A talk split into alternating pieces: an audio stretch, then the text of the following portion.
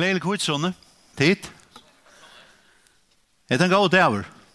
Tre høgt i, i det kristne trønne. Og at han har er bare at fær til verskar. Da har jeg godgiv og kun alt. Og eh, så er spørning om eh, vi tykker at vi at han er giv og kun alt. Ja. Jeg husker jo om det du presenterer for bøttene. Da help iPaden opp.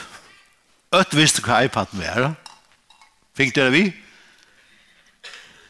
Jeg har sagt, takk til om det var så løsende at bøtten okkara kjente heile andan lukka godt som det kjenner iPaden. Wow! Hette var en utfordring. Anki sier nekka. Anki halleluja. annars en god dag å si halleluja på. og annars til lukketid. Hetta føringa det er til samkom. Så faktisk åtti vente kom vi og sier vi granna. Til lokke, du har føringa det er i det. Skal vi ikke gjøre det? Ja? Til lokke, vi har føringa det er i det. Hetta føringa det er til samkomne. Eller ikke ordentlig. Er det noen som ikke er part av en samkomme her? Jeg har alltid ikke ordentlig, da. Og eh, altså,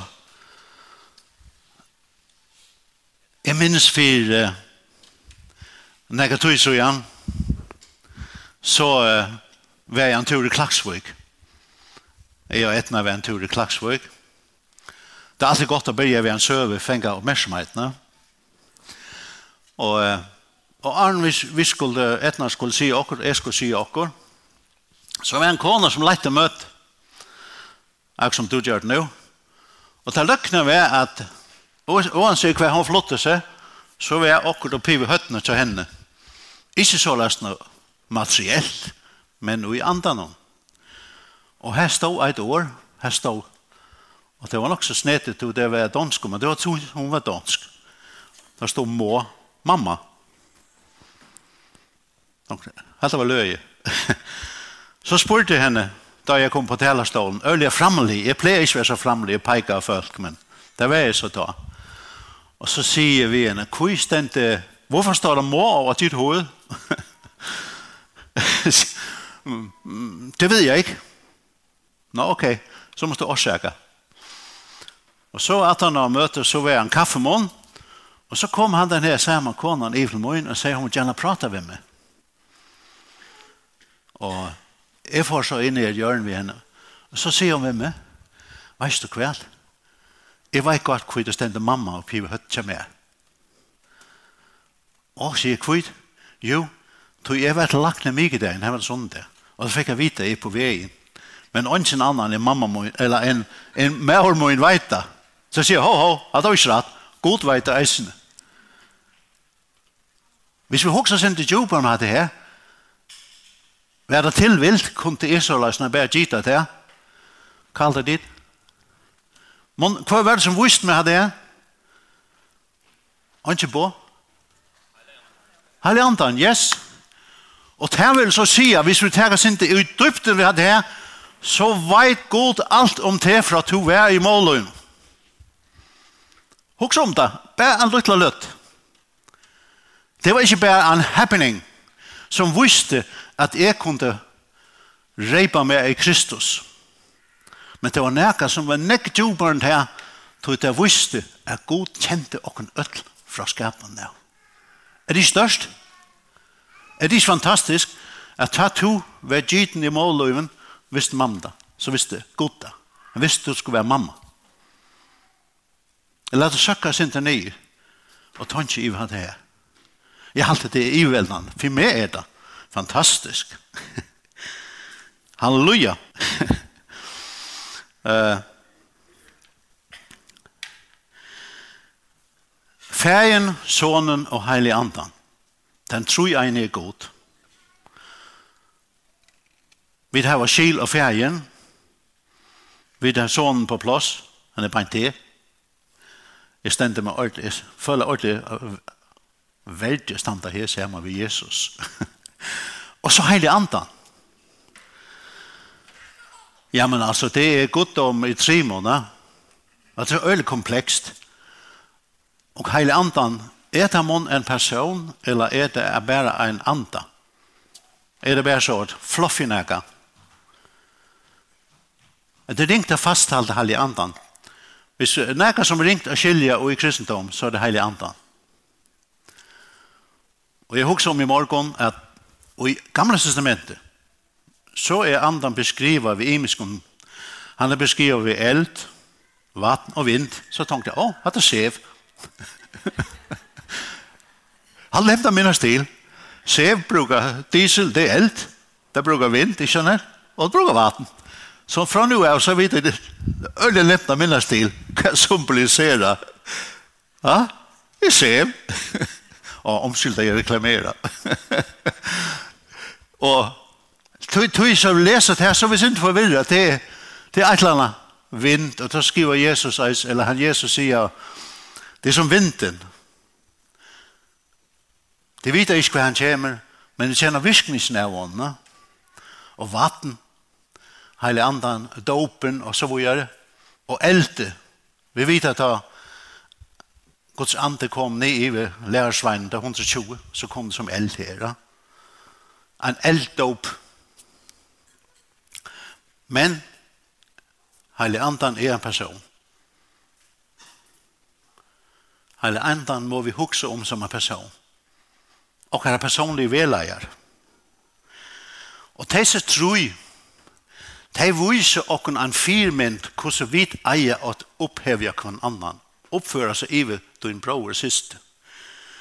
De har altså et felags samband. Og i Matteus 3 sier han, så leser vi, Rødt kom av himmelen som sier, Hesen er sånmoen, en elsker som er tokka til. Hva gjør ferien? Han lytter Jesus oppe. Akkurat som vi eier gjør vi okkara nøysysen, lytter det opp. Det er en firmynd for okkara. Og Johannes tror i nøytjanse sier Jesus, Jesus tok til året og sier vidt der, Sannlig, sannlig, sier tikkun, sånne kan ønsken gjøre seg selv med best her, og han ser ferien gjør, tog det som han gjør, gjør sånn somleis. Men Jesus han sier, er fullstendig ondlagt ferien. Er det ikke med selv? Er det ikke som ikke suttje? at ferien må gjør? Så kanskje har du et sinte snet i forhold til god. Du vet ikke ordentlig om god er ordentlig god, eller han er sinter såleis og strenger. Eh, mån han nu straffa, mån han er ordelig år, mån han er ferdig med i himmelen. Hvis du hevet han Ivan, og i Ivas til sjoi, er som hevet han Ivan, då jeg kjenner for meg sjølva. Så minst til at Jesus kan stå fasthalta.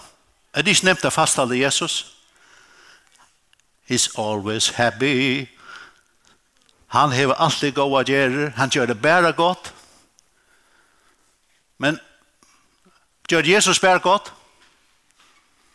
Hun gjør ikke sånn. Han gjør bare godt, da. Men han sier han gjør bare det som god gjør. Ok, men så god er som god, da. Ikke det? Så alt er sin iva om den gamle testamentlige god som høgt til nyr og dråpe alt og så videre. Han passer ikke ordentlig. Så hvis Jesus sier, er det bare onkel huksa som jeg vet hva jeg nå, hvis Jesus sier, er det bare som sier ikke ferien gjør, så er det god godt da. Men hva sier så? Og Johannes 1, her sier, jeg skal bia ferien, og han skal gjøre til en talsmann at være så at det kan alle erve anda sannleikans som heimen ikke kan få, tog han ser han ikke, og kjenner han ikke, men de kjenner han, tog han hever vært seg tikkun, og skal være ui tikkun. Jeg skal ikke lete tikkun ferdes etter. Jeg kommer til tikkara. At det her så ikke vet, at Jesus sier, nå sender jeg nægge godt til tikkun. Her så tror jeg, Färens son, helig andan. av kvann annan upp. Oppmuntra kvann annan. Styrke kvann annan. Och hatt är nära som vi alltid vi kunne gott teka till okkom. och huxa om att jeg har bruk för styrke bra om min syster min. Jeg har bruk til å oppmuntra. Och nu är jeg danskare och det är öververande danskare. Och jag pleier å säga at det är så extremt tålen. De lærte meg släppa tårs av röjna till sig förrest utan att syssna. Det går till mig. Tack för det. Jag röjner två stickar av mål, men jag är danskare. Men ett skulle jag säga är månen mellan danskar och föringar. Danskar är nek raskare upp mot kvinnan än föringar är. Og jeg har bare sammen vi Amerikamån, og det er helt fantastisk oppmorkene. Well done, Mike, for Pella. Wow. Ordentlig godt. Hatta kommer vi lære sin del så lærer han å teka Bibelen til ettertekta og læra oppmuntra kvann annan. Skulle vi si det? Skulle vi gjøre lift i det? Nei, det får han ikke. Men vi fokus på, og ikke ved bensjen for at fortelle kvann annan hva god har gjort i ditt liv, tog at vi reiper oss i Kristus, ja? vi sier, Herre, ja, vi vil være tøyne samverska menn, vi vil virka sammen som til. Heliantan er Guds talsmæver. Hva er en talsmæver? Det er en som tås og særkjen kjenner grånne. Ja? Det vil si at talsmæven tås Guds sæk vi okken. Hva er tattast på okken? Jesus? Nei. Hva er ui okken som tryggvande er? Heile andan. Han er den som er tattast på det her. Han er den som du kommunikerer vi. Og jeg spurte en av en ungdomsflokk, hva blir det til?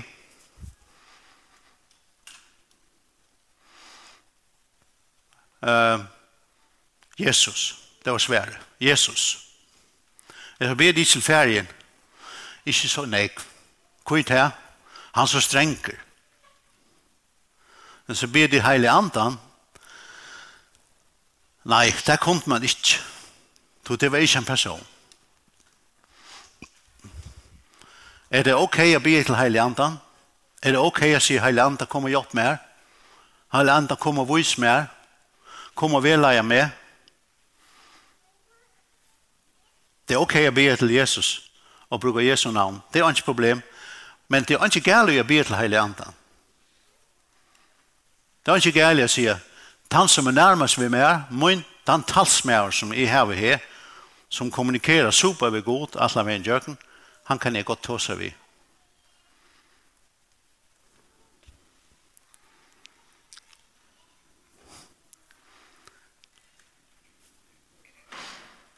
Jeg vet ikke om jeg har fortalt her, her men en dag han sier at jeg bæ, og jeg spurgte hele andre. Hele andre, det som vi har gjort i lindene, Det har virket nok så godt. Kan vi ikke bruke den jeg er? Kan vi ikke gjøre den jeg er? Kan vi ikke hjelpe den jeg er annen? Kan vi ikke hjelpe, og jeg tenkte på angsten i Afrika, kan vi ikke hjelpe anker og sette anker opp? Og så sier hele andre ved meg, Heve, to, hoksa om Grønland. Og jeg sver, harsht, nei, det var det snedet, jeg ikke hoksa om Grønland sjålvand. Jeg går over Grønland, jeg bor et år her oppe. Og som hver kjenner jeg i Grønland. Og jeg kjente en person, ikke personlig, men jeg har ringt til noen ångtøy, i samband med sånn inn til lintene. Og jeg ringer til han, morgen etter, og så sier vi en, «Hallo, hei, heter, heter Preben», og «Ja, sier han, det er jo lenge siden vi har snakket sammen». «Ja, sier det er jo minst et par år siden». «Hva har du på hjertet?» sier siger han så til mig. Uh, uh, du, uh, kan det passe, at uh, vi her på færgerne skal hjælpe jer med at starte en radio på Grønland? Og det er det, jeg tog. Jeg tror faktisk, det var slidt. Hallo, hej. hej. Ja, jeg er stadigvæk. Jeg siger, jamen, hvad, hvad, hvad siger du til det? Ja, jeg er chokeret. Jeg har været vågen hele natten. Jeg har bedt imod djævlen, for jeg troede, det var ham, der skulle få os til at lave radio, så vi kom væk fra det virkelig og prædike evangeliet. ja, og ved du hvad, siger? Ja, du tror, det er løgn, men ved du hvad? Det er 14 dage siden, at vi sendte ansøgning ind til det grønlandske landstyr om at få lov til at sende radio. Wow, siger Det var et pletskud. Ja, det må jeg sige. Og ved du hvad jeg siger? Vi her på færgerne. Vi på færgerne. Ikke mig. Vi på færgerne. Vi skal hjælpe jer med at sætte en radio op. Vi skal ordne det hele for jer. Og så siger han, det kan du ikke sige. Så siger jeg, jeg tror ikke, det var mig. Jeg håber, det var Helligånden. Også. Og så tænkte jeg, så lavede vi lørdagen efter en udsendelse, og vi sagde, hvem vil støtte en radio på Grønland? Og i løbet af tre måneder, så kom der 365.000, det er let at huske, 365.000 kroner ind til at gøre en radio i Grønland. Og jeg får op her, fikser alt det der, tog Arne og alt det der, vi ordner det. Og et år sættende, et år sættende, trusta knøtten, bam, Radio Grønland. Og i det så kom forskjellige åndefing, kanadier, alt mulig kom bare her. Og i det dekket det 45 prosent av Grønland. Halleluja! Fem år heve to hoksa om Grønland. God tala et år ut, og det ble verleit. Og jeg reipa meg i Kristus. Er det ikke, altså, er det ikke en fantastisk god vi tjener? Er det ikke en fantastisk kommunikator vi har som er i det hele landet, som kan snakke med oss og dekke tørven til tusenvis av mennesker? Og vet du hva? Det er nek grønland som blir frelst i kjøkken radio. Halleluja! Det er vetsing, det hender nekka. Ikke bare på grunn av det, men så nek andre ting hender i grønland. Tog god til fokuset på at han er sjånen. Han skal bjergast. Hvordan vanligst det ikke være, Jeg har bo her oppe. Alt som jeg sier, mor, sjålmor, misnøysle, av eikonsle. God vil stekka det. Og han vil bruka øtl. Han vil bruka med. Han bruker tikkun til å brøyta dette samfunnet i eisen her. Og han bruker heilig andan til å gjøre tikkun kraft og til å gjøre tikkun til røtte årene, røtte løtene, til de røde menneskene. Så let dere åpne øyrene og høre hva god hever sier til talsmannen, heilig andan. Hatt er fantastisk. ja. Hatt er hatt er her. Det kan ikke nek ørende.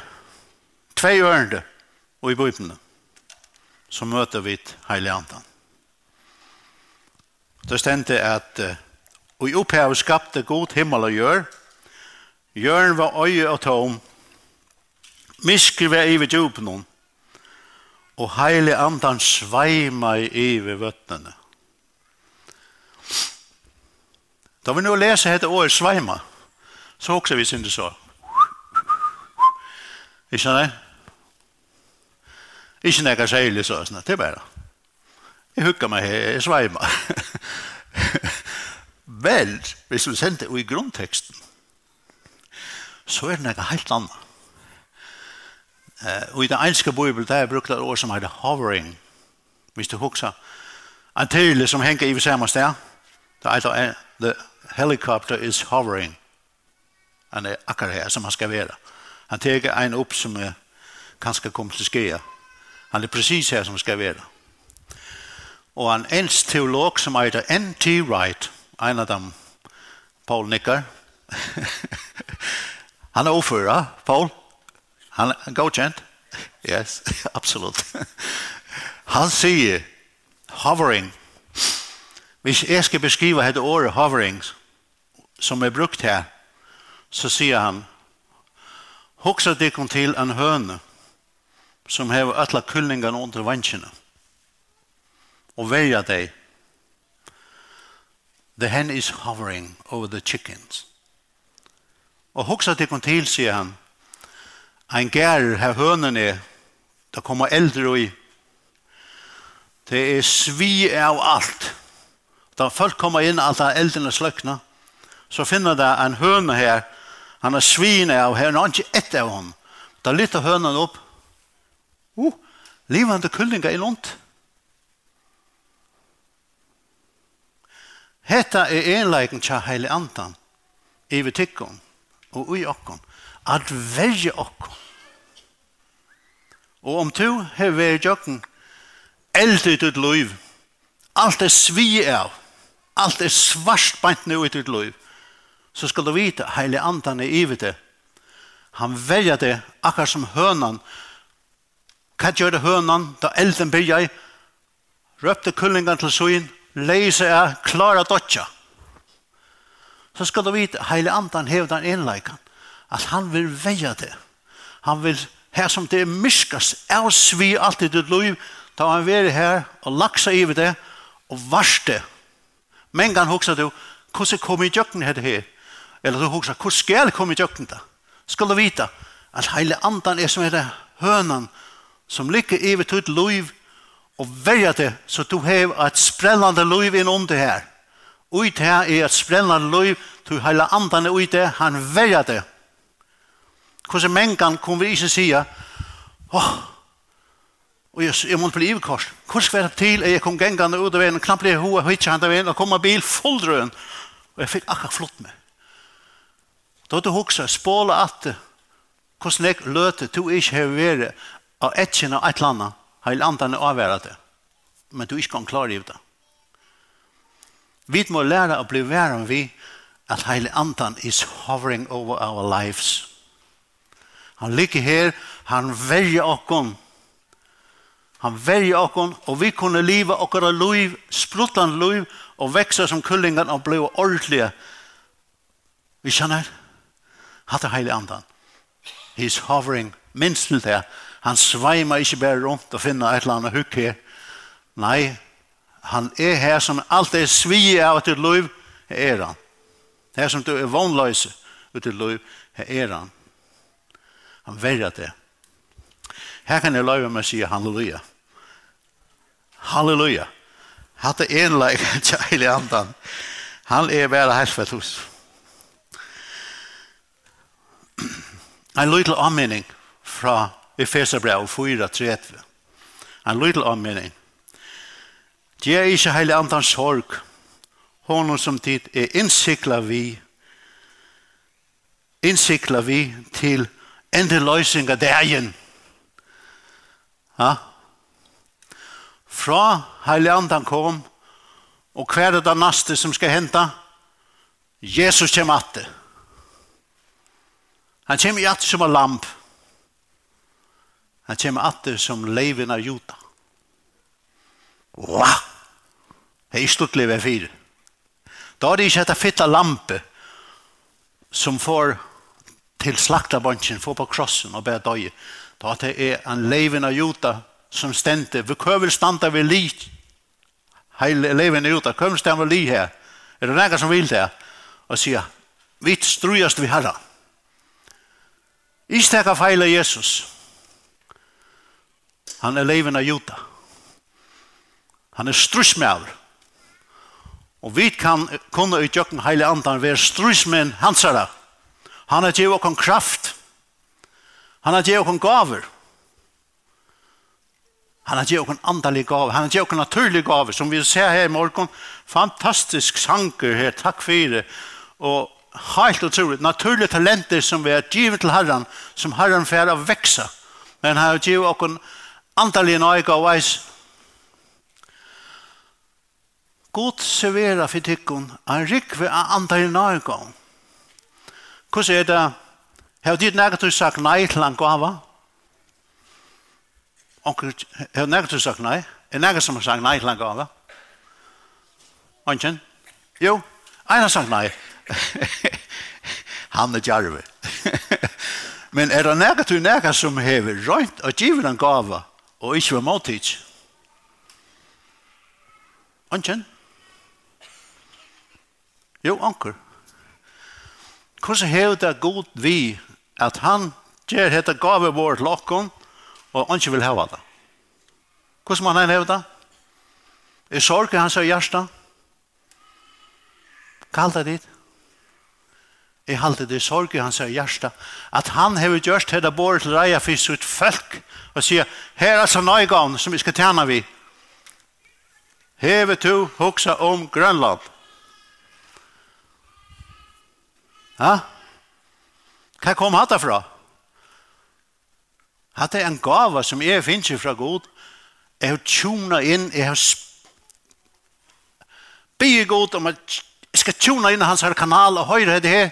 Ikke for min ekne, men for at andre skal få hjelp.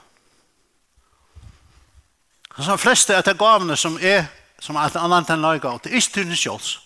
Det er ikke for at du skal være nek. Du har unga medalje her, så ikke nek medalje her. unga. Nei, det er en ambuskassa som du hever, du kan genga ved og sier, nu skal du løse en oppgave til. Ambuskassan opp, skru blær, ny rid ved at.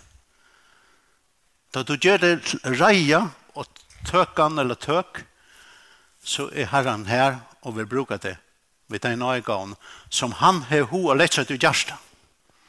Han elskar lett seg nøygaven. Men spør ikke om du tror. Ikke det ordet troa.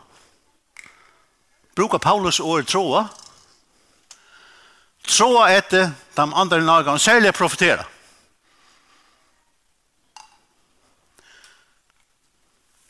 Er det noen som sier, tåre kvar hånden og lyser ikke opp og sier, jeg kunne tenkt meg å tro. Ønsken her inne. Jeg tenkte det her, får ønsken å være inne her som tåre kvar hånden opp og sier, jeg tror et eller andre i Norge. Tjons. Jo, yes, her var nøkker. Jeg tror et eller andre i Norge. Hvor? For jeg tjener andre mennesker.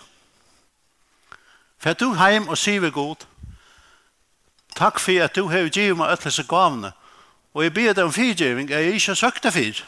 Tror jeg Bibelen, med, Bibelen kjetter, kommer jeg lære at jeg skal til. Få han en langslig hjerte. Kom han troen inn i tiggere hjerte om at vi er vi til at fremja Guds rujtjesjekk og i tjøkken den kraften som hele andan gjør og ta i nøygaven som hele andan gjør og gjør ikke heile andan sorg.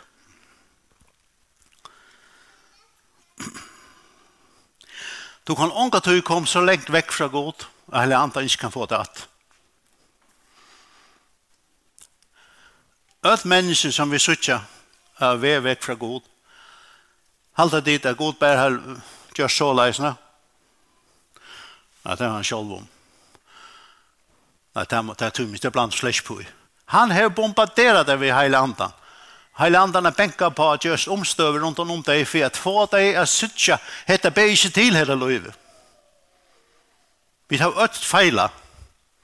Vi har öst görs ting men knappt blir näka kommer akon eller tankar komma sig heter livet be till. Jag må vänta vi. Det mest extrema du kan huxa det kan god komma in Jeg kjenner søve som er så ekstrem, jeg kan ikke nevne et eneste år. Men god til å lykke vel stekke vidkommende og deia marsk. Beint av en sjølmår. Stekke deg og sa kom atter til min. Og derfor er det en veldig prosess, men heilig andan er ved her stekke deg. Beint av en sjølmår.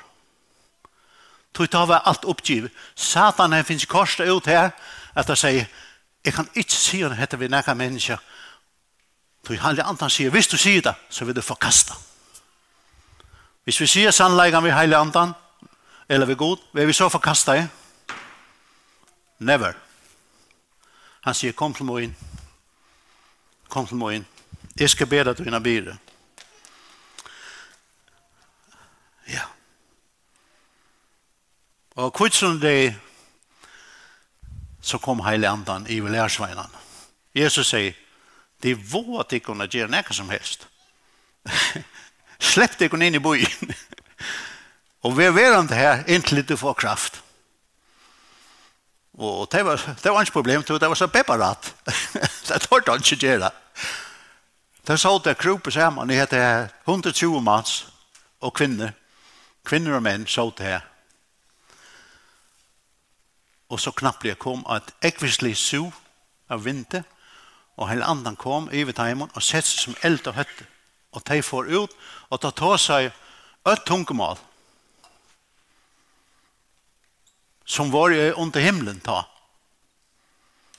Og alt kom stormen til, og sikkert spil til, ta seg akkurat mål. Og jeg husker jeg gjør om, om Babel. Og Babel støvende, det er mennesker bare et mål. Et mål. Og tog seg sammen. Så sier God, hei det blir stil. Det, ble, det kan finne på hver som helst. Nå regner det å slippe til himmels ved tåren. Jeg forvirrer det bare. Gjør dem en rikve imenskon malen. At opprører man god til stekka ved at gjøre imens tungemål. Nå kom heilig andan. Han sameid øtl utgjøkken her. Han gav dem imisk mål Et hoksamt her. Knapp blir vår banne fra Bibelståren vekk. Guds ante er kommet for jeg sammeina åkken. Ikke bare som tryggvande, men om alle gjøren. Hvordan ber det til jeg kan møte en filippinare som har møtt Jesus og føler meg fullstendig eit ved vidkommende på fem minutter. Har du opplevd det? Har du opplevd det? Og, altså, det er akkurat kjent hvordan annan alt løyve, ikke sant? Så nikka. Deilig. Takk for jonken nikka. Vær kjent all løyve. Er det nekka oppleva det? Jeg har møtt sikvande ångstjerne lengt vekk, og man ser seg og klappelig på ånka mura. Man kan snakke om alt. Hva spiller til? Heilig andan. Heilig andan. Heilig andan sammen i noen. Og bannet fra Babel, det er vekk. Og for etens havet det er vekk. Han nødt Adam. Han nødt tog i komme ved heilig andan. Og det ble fyllt og tog seg i tunken. Halleluja. Jeg husker jeg til at tanktikken er god, har valgt, har så størst avlid av oss, at han har givet oss en etgang til den kraften som reiser Jesus opp fra henne deg ut. Så størst avlit har han av te, og te, og med, at han gir okken etgang til den kraften som reid Jesus opp fra henne deg. Det var ikke smaveis, ha? Han har avlit av te. Han har avlit at du fører for omsida henne denne kraft. Så han veit at han kraften får du bæra vi har fært jøkken røynter. Vi har lønnsast vi at sige, Herre, jeg vil nægge meg, jeg vil nægge meg, Herre, jeg vil komme tatt alt døgn, det er en prøys å betale, men Herren gjør det kraft til å vinne av trobelegget om løyve og sikre og være vi til å fremja Guds røyse seg. Så heilig andan lærer kan gjøre heilig en ære, lærer kan søke hans her nærvær. Og i Jesu navn. Amen.